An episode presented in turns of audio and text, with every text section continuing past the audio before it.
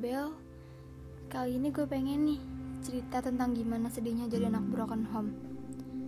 Mungkin di luar sana ada juga yang pernah merasakan hal seperti ini. Oke, langsung aja gue mulai.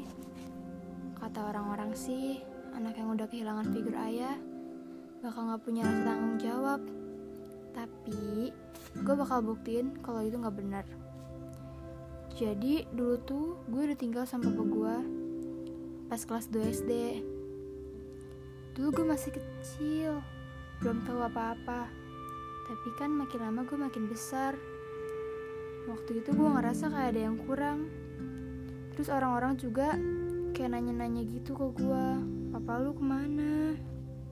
Ya pas waktu itu, gue cuma bisa senyum sambil geleng-geleng kepala.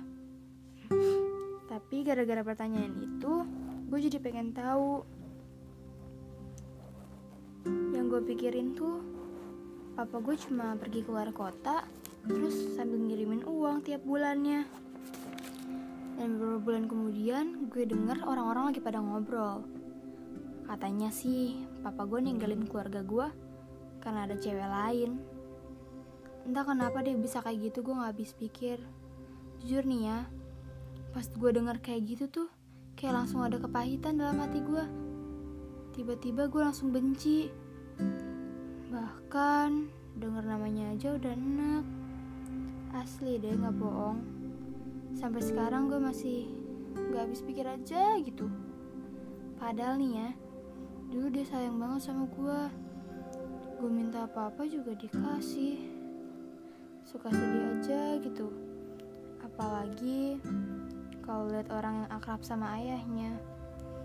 Makin iri deh. Tapi ya gimana lagi gini nih coba lu pikirin kalau orang yang lu percaya gak bakal nyakitin lu tapi dialah orang yang pertama menghancurkan semuanya.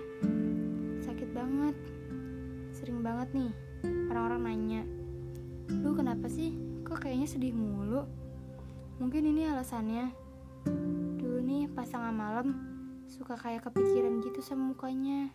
Terus sambil mikir Kenapa sih hidup gue kayak gini? Asli dulu gue bodoh banget. Gue gak bersyukur, padahal ini udah jalan Tuhan. Dan seandainya Tuhan biarin papa gue stay di keluarga gue, mungkin gue gak sampai kayak gini. Gue masih jadi anak yang manja. Bertahun-tahun hidup tanpa papa, tapi masih bisa sekolah kayak sekarang. Walaupun SPP bulan kemarin belum dibayar. Tapi gue kasihan gitu sama mama gue Terpaksa jadi tulang punggung Ngebiarin hidup sampai sekarang Gara-gara papa gue Mama gue jadi kayak gini. Makanya gue benci banget sama dia.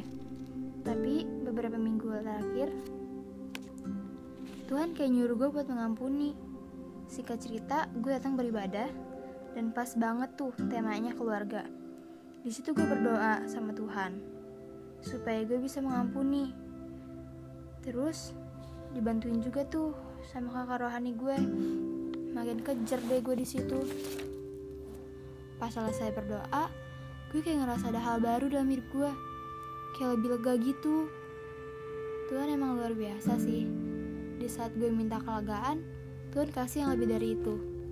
Dan sekarang, gue udah mengampuni papa gue. Dan lagi belajar untuk bersyukur atas apa yang gue punya sekarang. Nah, untuk kalian yang belum bisa mengampuni keluarga kalian, coba deh bawa dalam doa. Kalian bisa merasa lebih lega. Oh iya, gue juga mau ngucapin terima kasih nih sama teman-teman gue dan sahabat-sahabat gue dan saudara-saudara gue yang udah mau jadi bahu untuk gue bersandar. Gue juga mau berterima kasih sama kalian yang udah mau dengerin ini. Semangat terus ya teman-teman.